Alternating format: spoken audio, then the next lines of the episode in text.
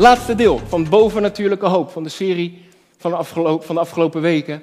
Die eindig ik, die sluit ik met kijken naar het doel van onze hoop, de focus van onze hoop, het uiteindelijke, uh, wanneer onze hoop die wij hier hebben, uiteindelijk uh, vervuld wordt. Die hoop die wordt vervuld, die wordt vervuld wanneer op de dag dat Jezus terugkomt. De dag van Jezus wederkomst. En die hoop, lieve mensen, dat is een hoop die niemand in de wereld, die niet geloven dan, die niemand in de wereld snapt eigenlijk. Want ja, ongelovigen, maar zelfs gelovigen, die kunnen misschien best wel denken van ja, ik hoor al, uh, dat hoorde ik 100 jaar geleden, 200 jaar geleden ook al dat Jezus spoedig kwam. Maar ja, ik zie nog niks. Wist u dat er in de Bijbel staat, ik weet even niet meer waar, maar ergens in de laatste boeken in het Nieuwe Testament, daar staat, in ieder geval in de Bijbel, daar staat dat er in de laatste dagen zullen er spotters komen over de wederkomst. Dat ze ons eigenlijk belachelijk gaan maken van wederkomst. Je zegt al zo lang dat hij komt, maar ik zie niks. Vandaag wil ik tegen u zeggen, hou vol, houd hoop op die wederkomst. Want ik kan u, ik weet niet wanneer Jezus terugkomt, dat weet niemand. Er zijn mensen en er zijn sprekers die zeggen, ja hij komt dan en dan en met speciale datum. Ik kan u vertellen, iets onbijbelser bestaat eigenlijk niet. Want zelfs, zelfs Jezus weet dat niet. Dus wie zijn zij dat ze dat wel weten? Maar oké, dat is een ander punt. Wat wilde ik eigenlijk zeggen? Ben ik mijn punt vergeten? Maar ik weet inderdaad niet, wij weten allemaal niet wanneer Jezus terugkomt. Maar dat wij, onze generatie, zoals wij hier zijn, dichterbij zijn wederkomst zijn dan al onze ouders en voorouders, dat is één ding wat zeker is. Goed. En te midden van alle ellende in deze wereld, te midden van, te midden van alle duisternis, te midden van alle crisis, van, van pandemieën en weet ik het wat allemaal, en van, van ziekte misschien, of waar u mee zit, of zorgen van deze wereld, blijft één ultieme belofte staan. En dat is dat Jezus zegt, ik kom terug. Die blijft staan. Johannes 14, vers 1. Laat uw hart niet in beroering raken, zegt Jezus. U gelooft in God, geloof dan ook in mij. In het huis van mijn vader zijn veel woningen. Als dat niet zo geweest was, als het niet zo was, dan zou ik het u ook gezegd hebben. Maar ik ga heen om een plaats voor u gereed te maken. En als ik heen gegaan ben en plaats voor u gereed gemaakt heb, kom ik terug. En zal u tot mij nemen, opdat ook u zult zijn waar ik ben. Als u dit gelooft, deze belofte, dat Jezus terugkomt, wanneer hij klaar is met een plaats voor u gereed gemaakt te hebben, om u te komen ophalen en, zich tot, en tot zich te nemen, zodat u voor altijd zal zijn waar hij is. Als u dat al gelooft nu, dan kan ik stoppen met spreken. Dit is al voldoende belofte, dit, is al, dit geeft al voldoende hoop voor de rest van ons leven om hoopvol te zijn. Eigenlijk.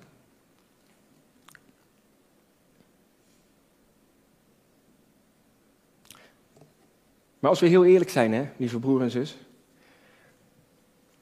Wat was het eerste gevoel toen u misschien op Facebook, want op Facebook staat het iedere vrijdagavond waar het deze zondag over gaat. Wat was de eerste gedachte toen u zag dat het over de wederkomst van Jezus ging? Ik geloof dat er heel veel mensen zijn die denken, oh, ik leef toch nu? Wat is dat, dat, dat, hoor ik al zo lang dat Jezus terugkomt. Zo belangrijk is het toch niet? We moeten hier en nu leven. Hier, nu moeten we wat doen. Of misschien, oh, het gaat over de wederkomst. Ik denk dat ik uh, maar een zondag oversla.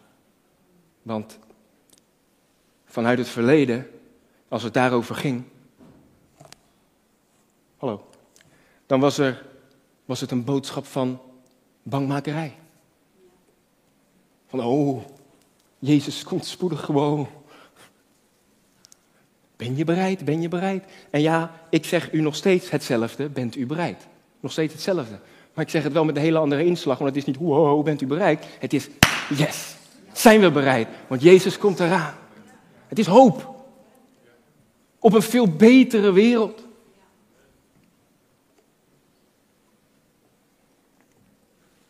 Maar het lijkt soms alsof de kerk van vandaag dat vergeten is. De boodschap die christenen vertellen, ja, daar, daar, spreekt nou niet al te veel hoop uit. In ieder geval niet over de wederkomst. En ik was ook een beetje zo, als ik heel eerlijk ben.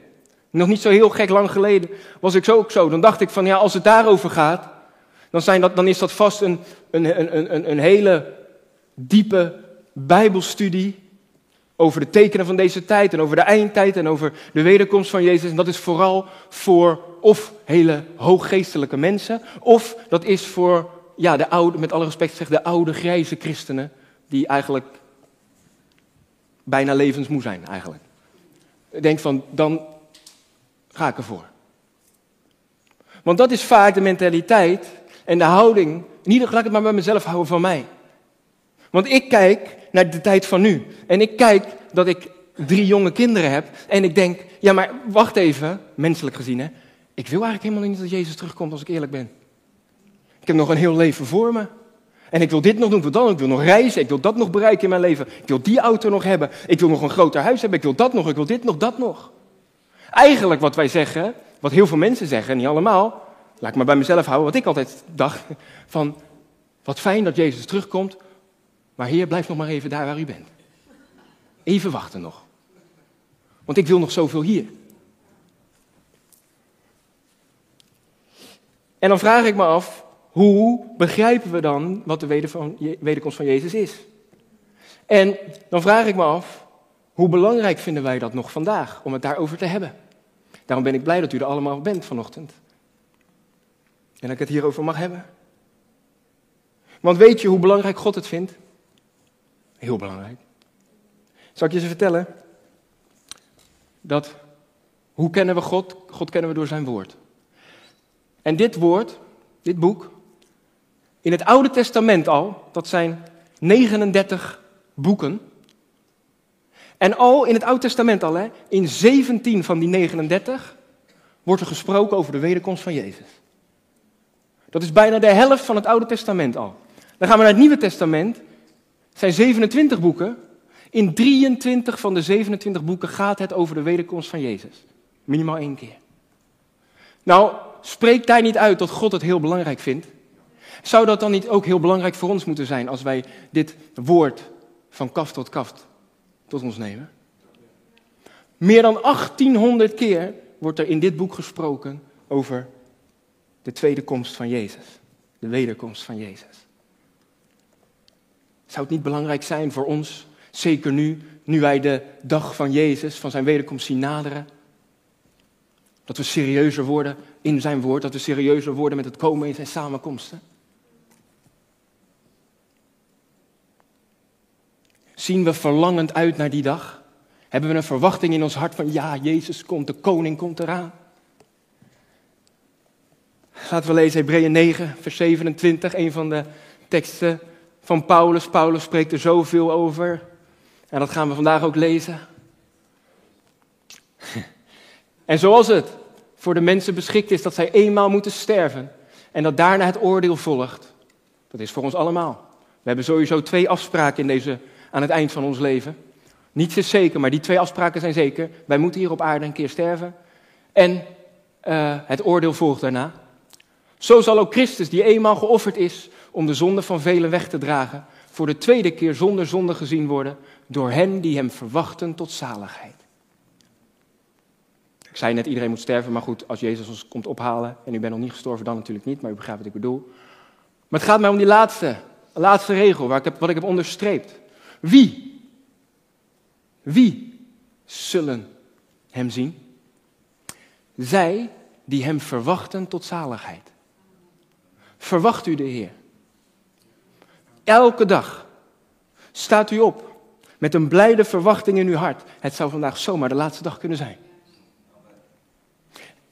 Het woord verwachten, wat daar staat, en bijna elke keer als, er, als dat in de context van wederkomst staat, verwachten, staat daar, wordt dat, beteken, uh, wordt daar bedoeld in het Grieks, verlangend verwachten. Iemand die smacht van verwachting.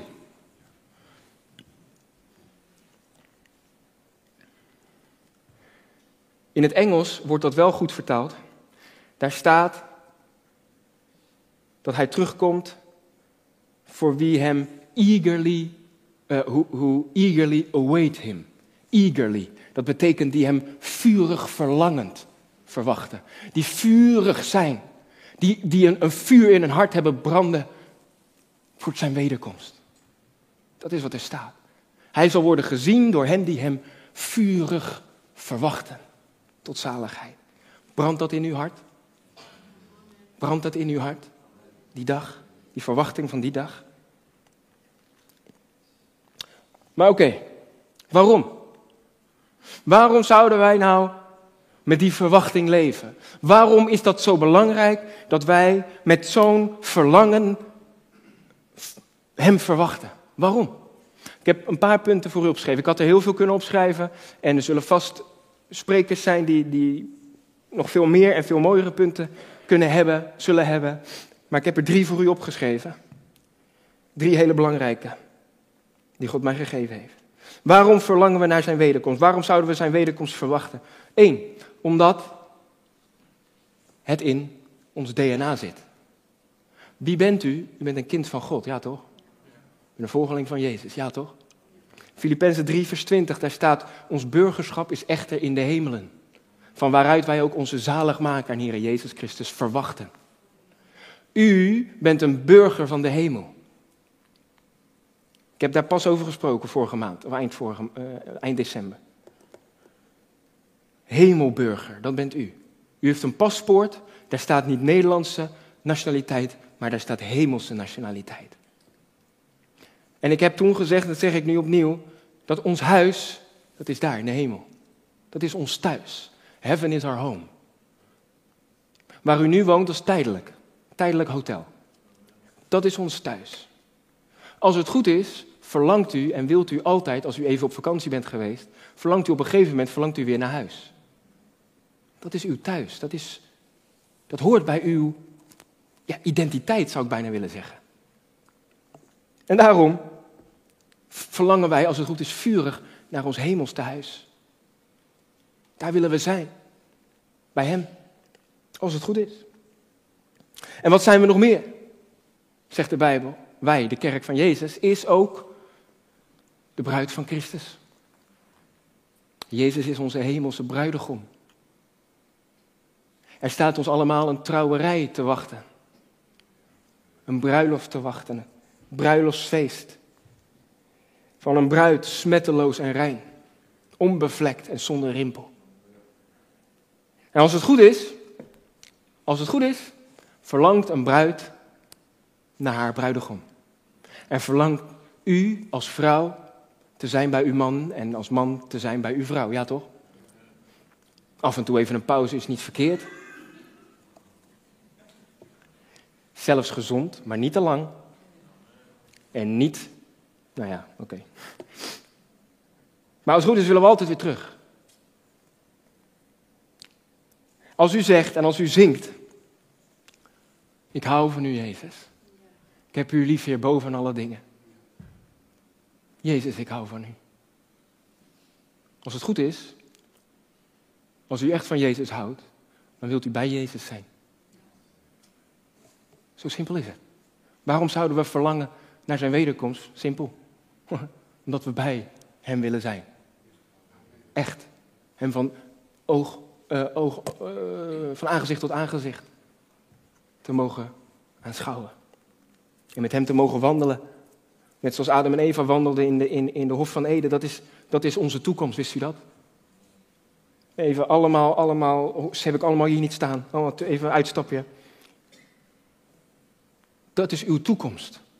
Dat u in volledige gezondheid en met een bos haar op uw hoofd, echt waar, staat in de Bijbel, dat u weer gaat wandelen met Jezus. Net zoals Adam en Eva op de nieuwe, op de nieuwe aarde waar wij mogen leven met Hem. Dat is uw toekomst. Dat is uw vooruitzicht. Kunt u niet hoopvol zijn? Punt 2, heel kort. Of niet? Toch niet? Nee. Omdat, waarom zouden we verwachten? Omdat dan pas, luister goed, omdat dan pas onze redding en verlossing voltooid zal zijn. We horen vaak, eens gered, altijd gered. Wij horen vaak, ik ben gered, punt. Weet, het klopt dat u gered bent. Ik heb net zelf gezegd, u bent gerechtvaardigd door het bloed van Jezus. U bent gered. Maar pas op die dag dat Jezus terugkomt, is dat proces van redding en verlossing, wordt dan pas voltooid wanneer u uw verheerlijk en glorieus lichaam krijgt. U krijgt een heel nieuw lichaam. Zonder pijn, zonder ouderdomskwalen, zonder aandoeningen. Een nieuw lichaam krijgt u. Net zoals Jezus een verheerlijk lichaam had toen hij uit het graf opstond met Pasen. Die krijgt u ook. Dat is ook uw toekomst. Dat is de climax van onze redding en verlossing door Jezus. De climax is dat wij op zullen staan en dat we een nieuw lichaam krijgen. Ja, dat krijgen wij, maar voor ons krijgen zij dat die al gestorven zijn in Christus. 1 Thessalonicense 4, vers 16 en 17. Want de Heere zelf zal met een geroep, als hij komt, zal met een geroep, met de stem van een aartsengel en met een bazuin van God neerdalen uit de hemel. En de doden die in Christus zijn, zullen eerst opstaan. Iedereen die al is voorgegaan. Iedereen, maar wel in Christus natuurlijk. Iedereen die gelovig in Jezus zijn gestorven, die zullen eerst opstaan. En daarna zullen wij, de levenden die overgebleven zijn, samen met Hem opgenomen worden in de wolken naar een ontmoeting met de Here in de lucht. En zo zullen wij altijd bij de Here zijn. Halleluja. Halleluja. Halleluja. Onze toekomst. Eerst die ons zijn voorgegaan, zullen opstaan uit het graf. Samen zullen wij daarna met hen opgenomen worden. Weggenomen worden.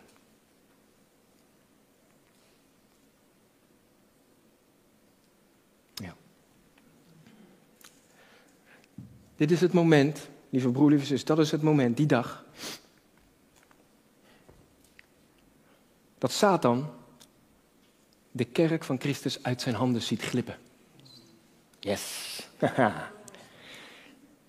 hij heeft nu nog, probeert hij invloed te oefenen op ons. Probeert hij ons te onderdrukken. Probeert hij te zorgen dat wij uh, uh, niet achter Jezus aangaan. Maar dan heeft hij geen, helemaal geen vat meer op ons. Alle ellende van deze wereld, alle duisternis, laten we achter ons. Dat is voorbij. Wat een toekomst. Wat een toekomst. En, en, dat is het moment dat heel de wereld gaat zien wie Jezus is. En gaat zien wie zijn kinderen zijn. Wij zijn nu al koningskinderen, dat klopt. Wij zijn nu al kinderen van de koning. Maar op dat moment, als ze ons zien opstijgen in de lucht, in de wolken, dan zullen ze echt zien dat wat wij altijd hebben verteld en wat ze dan helaas niet hebben willen geloven, maar dat dat de waarheid was. En dat is niet van zo, haha, nee, nu is de tijd om er alles aan te doen dat zij ook meegaan. Op die dag. Maar het is in ieder geval onze toekomst, als u gelooft. Als u gelooft in Jezus. En elke knie zal buigen en elke tong zal beleiden. Jezus is Heer elke knie. Die nu nog zegt, die nu Jezus nog afwijst. Die nu nog zegt, ach Jezus. Die moeten gaan buigen. Voor de glorie van Jezus. En die zullen uit hun mond, zal er komen, ik zie het. Jezus, hij is toch Heer. Nog een punt. Waarom zouden we nou verwachten die wederkomst? Waarom? Waarom? Heel simpel, wederom. Waarom verlang ik? Waarom verwacht ik? Waarom zou ik de Heer verwachten? Omdat het nodig is.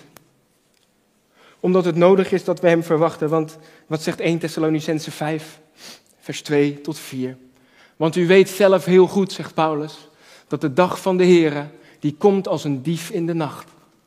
Want wanneer zij zullen zeggen, wanneer de wereld zal zeggen, zo, kijk eens hoe goed het hier gaat. Er is vrede, er is veiligheid. Dan zal er een onverwacht verderf hun overkomen. Zoals de barenzweeën een zwangere vrouw. En zij zullen het beslist niet ontvluchten. Maar u, broeders en zusters, u bent niet in de duisternis, zodat die dag u als een dief zou overvallen.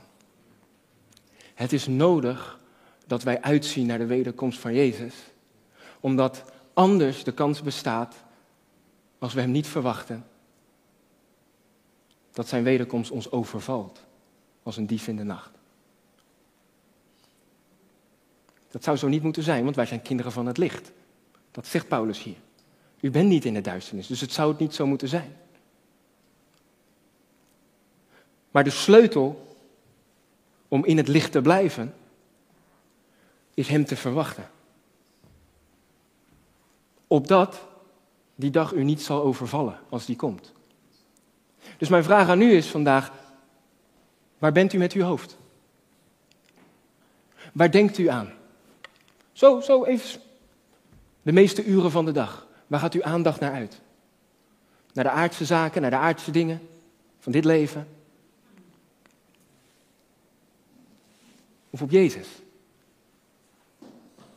En niet dat we de aardse dingen moeten verwaarlozen, maar altijd wel vanuit die focus op Hem.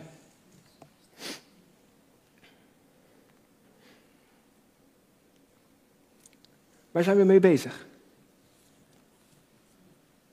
Dat vroeg Jezus zich ook. Dat vroeg Jezus ook aan zijn discipelen heel vaak. En aan de menigte. Waar bent u allemaal mee bezig? Ik kan me een, een verhaal herinneren van Jezus. Dat Jezus eigenlijk even in mijn eigen woorden zegt van, ja jongens,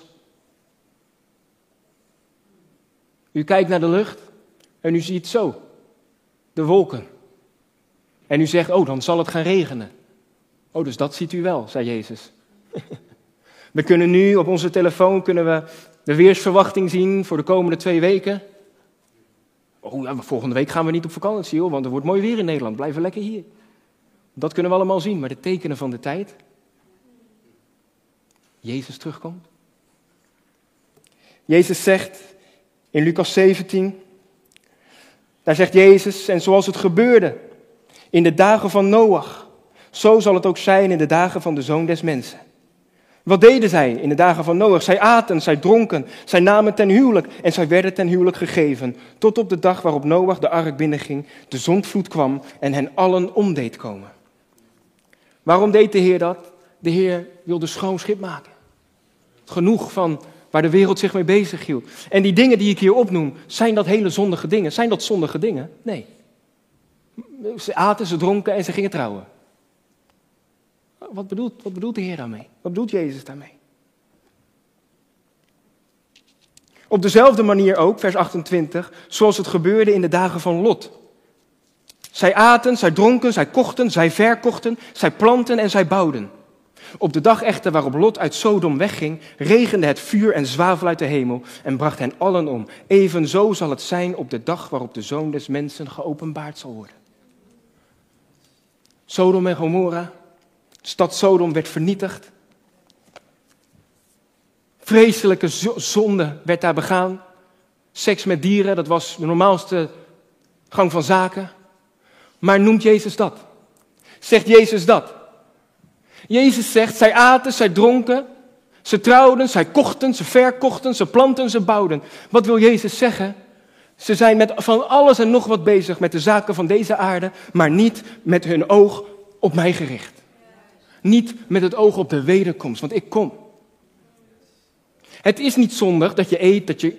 Maar het is hetzelfde als wat Jezus zegt in Matthäus 6. Waarom maak je je druk om wat je morgen moet eten? Waarom maak je druk om welke kleren je morgen gaat aantrekken? Ik zal voor je zorgen. Zoek eerst het koninkrijk van God en zijn gerechtigheid. En alles zal u bijgegeven worden.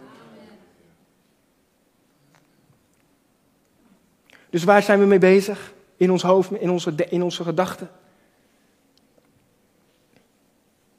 Zelfs al zijn we niet met, met, met, met pure, uh, oh, zondige, duistere dingen bezig. Nee, maar ook al zijn we met hele onschuldige dingen bezig zijn. Dan kan het nog betekenen dat onze focus daarop is en niet op Jezus.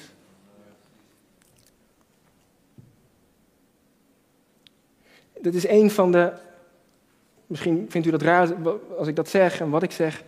Maar dit is denk ik een van de goede dingen die God uit een puinhoop laat voortkomen. Zoals de crisis hele corona gebeuren, pandemie.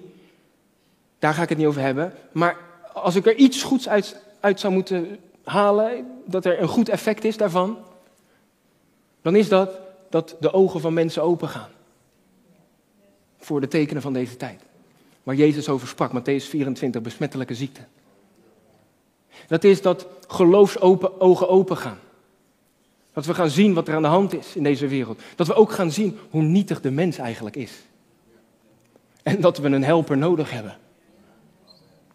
Nogmaals, ik zeg niet, COVID is niet goed, COVID is ook niet van de Heer, maar ik weet wel dat God alle dingen kan laten meewerken ten goede, maar het is wel hoe we ermee omgaan.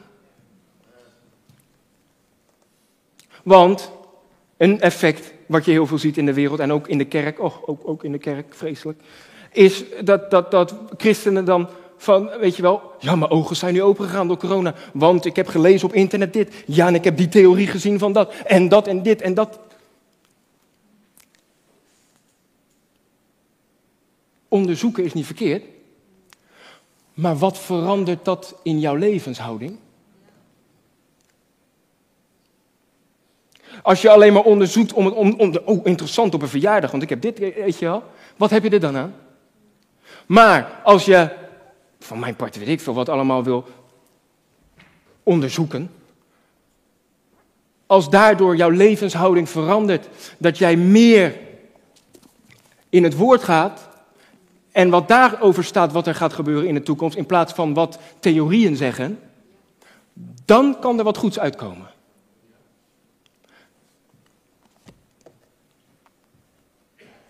Ik kan, ik, oh, ik kan er nog heel lang over doorgaan, maar daar heb ik geen zin in. Dus gaan we verder. Hoe? We hebben nu gehoord een aantal punten. Waarom zou ik me voorbereiden? waarom zou ik verlangen? Waarom, waarom zou ik verwachten die wederkomst? En nu, hoe? Hoe doe ik dat? Hoe bereid ik me daarop voor? Vroeger waren de hele stromingen in ons geloof. Jezus komt spoedig, dus laat alles maar de boel de boel. Niet trouwen, geen kinderen, want Jezus komt toch spoedig.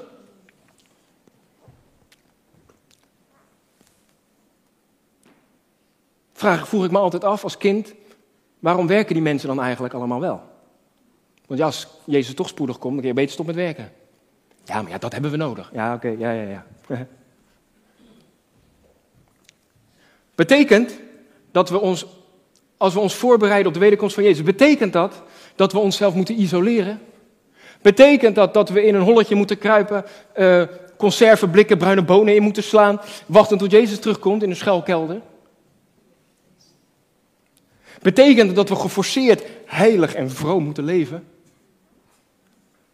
Nee. Dat betekent het niet. Want wat zegt Paulus in 1 Thessalonicense 1, vers 9 en 10? Dat zegt hij tegen de gemeente van Thessalonica, maar hij zegt het ook tegen u vandaag.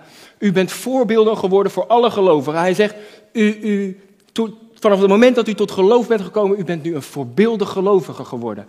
Hoe is dat zo gekomen? Omdat wij, zegt Paulus, ingang bij u gekregen hebben en u zich van de afgoden tot God bekeerd hebt. Waartoe? Om de levende en waarachtige God te dienen en zijn zoon uit de hemelen te verwachten, die hij uit de doden heeft opgewekt, namelijk Jezus die ons verlost van de komende toorn. Twee dingen heb ik daar in lock gezet. Dienen en verwachten.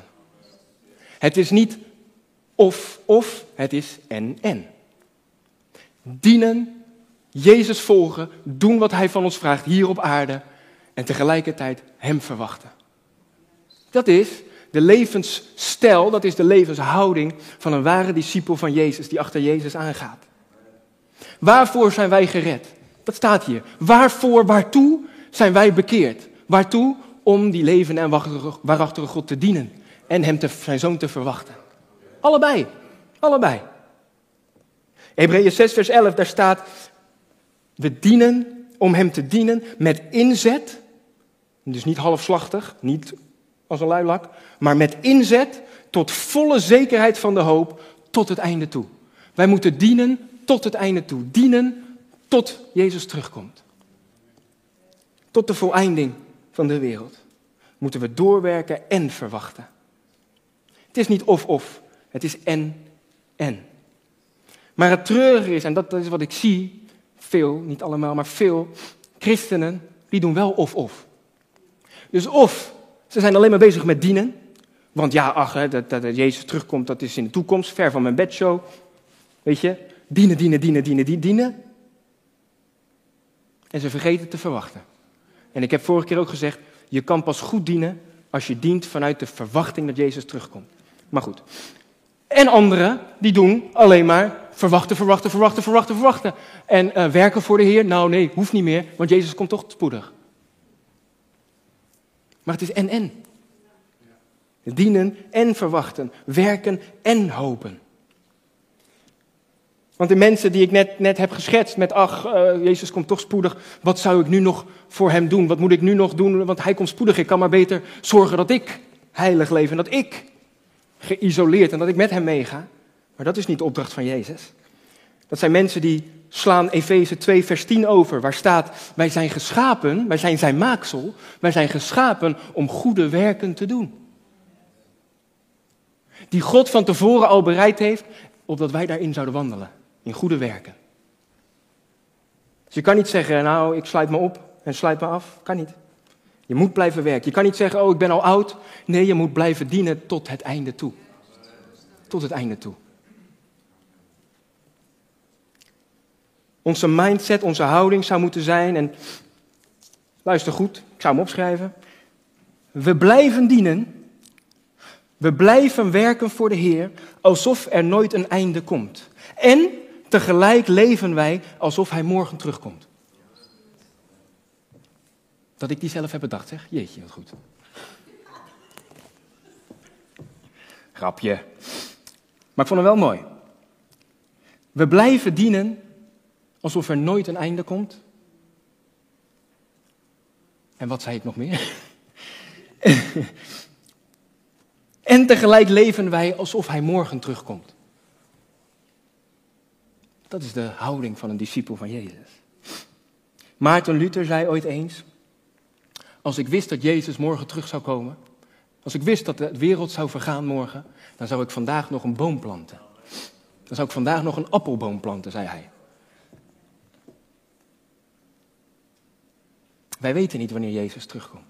Jezus weet niet wanneer hij teruggezonden wordt. Niemand weet dat. Maar daarom moeten wij blijven doorgaan, gehoorzamen de opdracht die Jezus ons gegeven heeft. Hem volgen, Hem gehoorzamen. Zaadjes planten, bomen planten. En tegelijkertijd verwachten, ieder, ieder moment verwachten dat Hij terugkomt. Waarom? Omdat als Jezus dan terugkomt, Jezus, is, is, die, die zal, Jezus zal heel blij zijn als hij terugkomt en hij vindt zijn kinderen allemaal gehoorzaam aan het werk voor hem. Dat hij kijkt, ja, hier ben ik voor teruggekomen.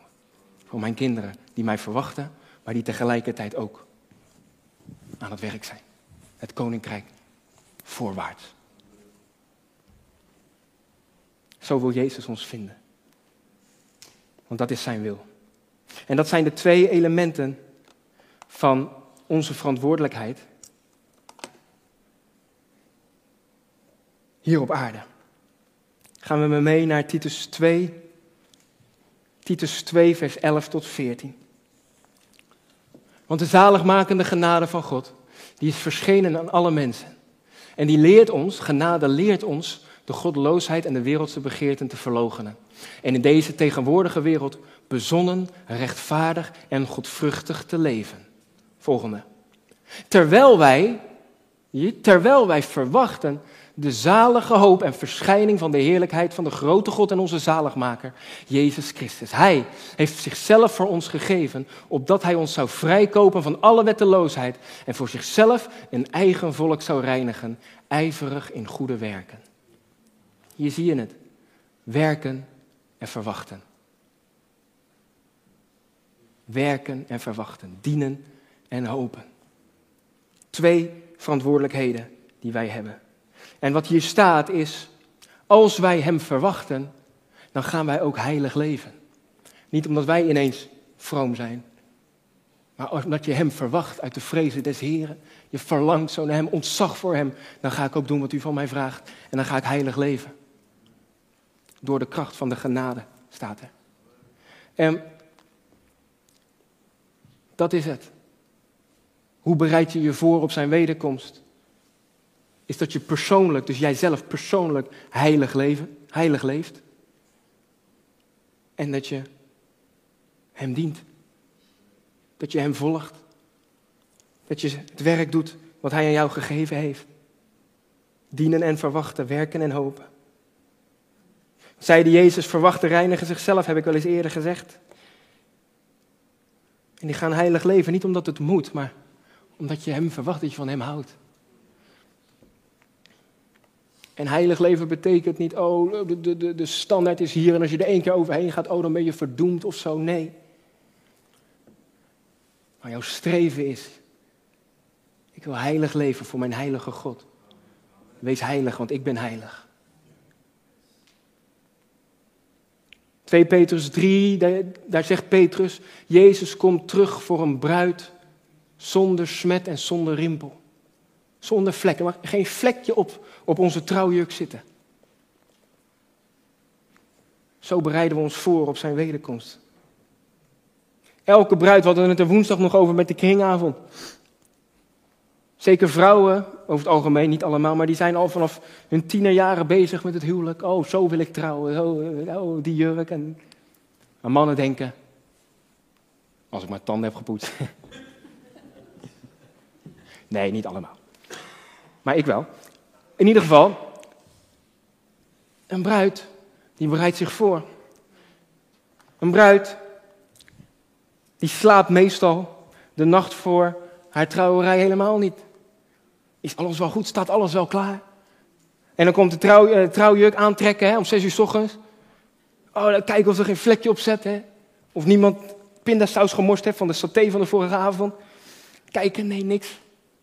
Behalve mijn vrouw trouwens. Want uh, toen ik. Uh, hebben we tijd? Ja, we hebben tijd. Toen ik uh, aankwam rijden met de trouwauto. En ik keek zo in het huis van, ouderlijk huis van Tamara. En ik denk, ik zie helemaal niemand. Hè. Er moet toch een beetje actie zijn, er moet wat gebeuren. Want het is bijna negen uur, we moeten vertrekken. En ik kijk goed en ik zie zo door het raam zo. Die, ik kan zo, een doorzonhuis, dus ik kijk zo die tuin in. En ik zie Tamara's trouwjurk hangen aan de boom. En ik denk, dit is niet goed. Ze heeft nu al de, de aan de wil gehangen. Maar ik dacht, ze zal wel gemorst hebben. Dus die trouwjurk snel in de bleek en, uh, en, en drogen aan, aan die boom, dacht ik. Ik denk, ja, dat gaan we niet redden allemaal, hè. Zenuwachtig. Nou goed, daar gaat het allemaal niet om. Waarom vertelde ik dit? Uiteindelijk alles goed gekomen. We zijn getrouwd op tijd en we zijn hier. Maar u snapt wat ik bedoel. Zonder smet, zonder vlek en zonder rimpel. Volledig netjes gestreken zou onze trouwjurk moeten zijn. Als Jezus terugkomt om ons op te halen. Maar, laatste gedeelte van deze boodschap. Maar, vorige week hebben we gehoord van onze seniorpastor over hoop als een anker voor de ziel. Ja, toch? Nu is er nog een voorwerp in de Bijbel die hoop symboliseert. En dat is een kledingstuk. En dat is niet het trouwjurk waar ik net over had, maar dat is iets wat wij ook aan moeten trekken. En die staat in 1 Thessalonicense 5, vers 8. Maar laten wij, die van de dag zijn, dus niet van de nacht, niet in de duisternis, maar wij die van de dag zijn, laten wij nuchter zijn, bekleed met het borstharnas van geloof en liefde. En let op, hier gaat het om, en met de hoop op de zaligheid als helm. Met de hoop op de zaligheid als helm. Wat, vertel mij, wat is het eerste wat u beschermt als er onverwachts iets uw kant opvliegt? Ik loop heel vaak in de stad en dan komt er een hele groep duiven ineens overgevlogen. En dan doe je dit. Dit. In een vliegtuig, als er turbulentie is en als het nog erger gaat en Ik heb het nooit meegemaakt gelukkig, maar ik heb dat altijd in films gezien. Wat is de houding die je daar moet aannemen? Is zo zien. Hier. Je hoofd beschermen. Dat is niet zomaar. Het is niet zomaar dat we een helm nodig hebben. Waarom? Omdat ons hoofd, dat, ons hoofd, daar zit ons denken in. En ons denken bepaalt hoe wij leven. In jouw denken wordt bepaald of jij een hoopvolle christen bent of een wanhopige christen. Een hoopvolle christen of een hopeloze. Als christen ben je per definitie nooit hopeloos, maar jouw denken kan wel vervuild worden met allerlei wanhoop. En met allerlei angst. En daarom is die helm van de hoop op zaligheid. Wat is hoop op zaligheid? Het is de hoop op de wederkomst van Jezus. De hoop op onze uiteindelijke verlossing. Wat doet die helm? Die houdt ons oog gericht daarop. En die helm beschermt ons van aanvallen van de boze, de aanvallen van de vijand, die ons denken wil vervuilen met de dingen van deze wereld. En dan denken we, zoals ik uh, net heb gezegd, dan denken we van, ja, maar er zijn helemaal geen vuile of slechte dingen in mijn gedachten. Maar wat te denken van alleen maar bezig zijn met de aardse dingen, die, die niet verkeerd zijn, die onschuldig zijn. Daar heb je die helm van de hoop op zaligheid voor nodig. Ja, maar Jordi, het klinkt allemaal zo mooi. Heilig leven, uh, dienen de Heer, uh, een hoop hebben en hoop houden. Maar Jordi, vertel me nou eens eerlijk, leef jij onder een steen? Zie jij niet hoe de wereld er nu aan toe is? Zie je niet mijn situatie, dat ik al zo lang ziek, zwak en misselijk ben? Zie je niet dat Jezus in zijn woord heeft gezegd, er zullen oorlogen komen, geruchten van oorlogen, aardbevingen, besmettelijke ziekten. En dan zeg jij dat ik hoopvol moet blijven? Ik hoop al zo lang, maar ik zie er nog niks van. Je kent toch de realiteit van mijn situatie? Je kent toch de realiteit van de strijd in mijn leven? Je kent toch de zorgen die ik heb? Je kent toch mijn problemen? Ik maak me zorgen over mijn kinderen. Ik maak me zorgen over mijn kleinkinderen. Ik maak me zorgen over mijn familie. Hoe kan ik dan hoopvol blijven? Ik zeg u eerlijk, dat ik ook wel die momenten heb gehad vooral. Dat ik denk van waar gaat deze wereld naartoe? En dan denk ik, dan kijk ik naar mijn kinderen. En dan denk ik van, poh, wat, wat, wat, hoe ziet hun toekomst eruit over 20, 30, 40, 50 jaar? Maar dan, dan, dan, dan ben ik God dankbaar dat ik die helm van de hoop of zaligheid weer op kan zetten. Als ik hem per ongeluk even af heb laten zetten, dan zet ik hem weer op. En dan weet ik, maar het beste komt er nog aan, want Jezus komt eraan. En hoe, als vanaf dit moment mijn leven met mijn kinderen alleen nog maar, en met mijn vrouw, sorry, alleen maar, nog maar perfect zou gaan, dat ik een perfect leven hier op aarde zou hebben, dan nog weet ik 100% zeker dat het leven daar bij Jezus nog veel mooier en perfecter zal zijn. Dus waar maak ik me dan nog druk om? Als ik weet dat, dat ik hoop heb op de perfectie daar. Samen met mijn vrouw en met mijn kinderen. Als ze in de Heer zijn.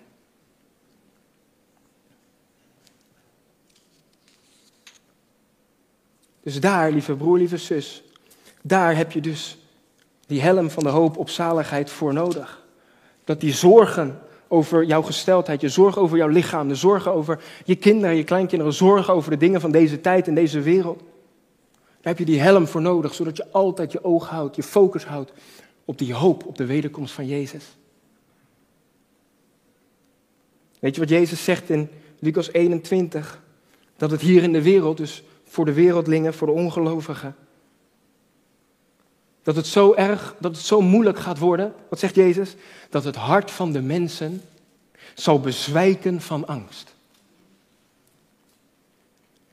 Het hart van de mensen zal bezwijken van angst en verwachting van de dingen die de wereld zullen overkomen. Kan je je voorstellen? Nu gaan er mensen met corona naar het ziekenhuis en met allerlei andere ziekten.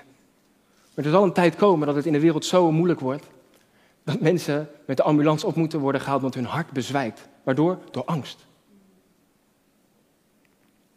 Je zou toch niet willen dat iemand zulke angst heeft dat ze ervan flauw vallen?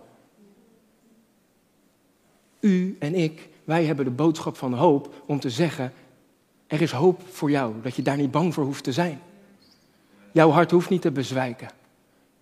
Want er is iemand die van jou houdt. Er is iemand die zijn leven voor jou heeft gegeven. En die ook, want dat vergeten we vaak, die voor jou terug zal komen. Om jou te komen op te halen. Vaak evangeliseren we alleen maar van wat Jezus voor mij gedaan heeft. Maar vergeet niet erbij te zeggen, want daar worden mensen nog meer van onder de indruk. Ja, hij komt terug om mij op te halen. En hij wil ook jou komen ophalen. Als je je leven aan hem geeft.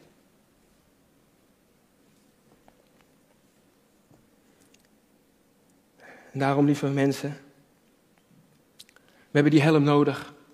Zodat de zorgen, problemen, ellende, onzekerheid, angst, twijfel, ongeloof, dat die geen ingang meer hebben in ons denken. Voorwaarts, focus op Jezus. En een verwachting van zijn wederkomst. Ja, that's it. That's it. Mijn laatste Bijbeltekst. Want als er iemand is die dat leefde, die een voorbeeld is voor ons, dan was dat Paulus, de apostel Paulus. Die te midden van alle ellende, van vervolging, van gevangenis in, gevangenis uit, van marteling naar marteling, ging Paulus door, achter Jezus aan. Dienen en verwachten zijn wederkomst. Zijn kracht was Jezus verwachten. Hij ging door, gevangenis in, gevangenis uit. En aan het einde van zijn leven, toen hij de laatste dagen van zijn leven in de gevangenis zat in Rome, toen zei hij dit tegen Timotheus en dit zegt hij ook tegen ons vandaag. 2 Timotheus 4, vers 6 tot 8. Het tijdstip van mijn heengaan is aanstaande. Ik heb de goede strijd gestreden. Ik heb de loop tot een einde gebracht. Ik heb het geloof behouden. Verder is voor mij weggelegd de kroon van de rechtvaardigheid, die de Heere, de rechtvaardige rechter, mij op die dag geven zal. En niet alleen mij, maar ook allen die zijn verschijning, die zijn wederkomst hebben liefgehad. Heeft u zijn wederkomst liefgehad? Houdt u van zijn wederkomst? Houdt u van zijn verschijning? Brandt dat in uw hart? Hij komt terug. En u kan die kroon van rechtvaardigheid krijgen als u maar nu al de verschijning, de wederkomst, lief heeft. Weet u welk woord voor lief liefhebben daar staat? Agapeo. Agape. Met de diepste liefde de wederkomst van Jezus liefhebben. Met de hoogste vorm van liefde de wederkomst van Jezus liefhebben. Is dat al in uw hart zo? Dat u al zo verlangt naar Jezus wederkomst? Omdat u bij Hem wil zijn. Dan is de kroon van rechtvaardigheid voor jou. En mag je de helm van de hoop op zaligheid mag je inleveren. En zeggen, Heer, ik heb de goede strijd gestreden en ik heb die helm niet meer nodig, want mijn hoop is vervuld. Ik sta nu voor u. En dan zegt hij, geef die helm maar aan mij. En je krijgt van mij, mijn zoon, mijn dochter, de kroon van de rechtvaardigheid. Ga naar binnen, mijn trouwe, mijn goede en trouwe dienstknecht. Is dat niet waar ons hart allemaal naar verlangt, lieve broer, lieve zus? Zullen we opstaan samen? En God alle eer geven. Hem danken voor de ultieme hoop die we hebben. Onze perfecte toekomst die we hebben door Hem en in Hem. Gotta stay away cause nobody knows the day or time. No, the trumpet's gonna blow and the skies are gonna open wide. Oh yeah, he's coming for us, just like he told us. It's been a long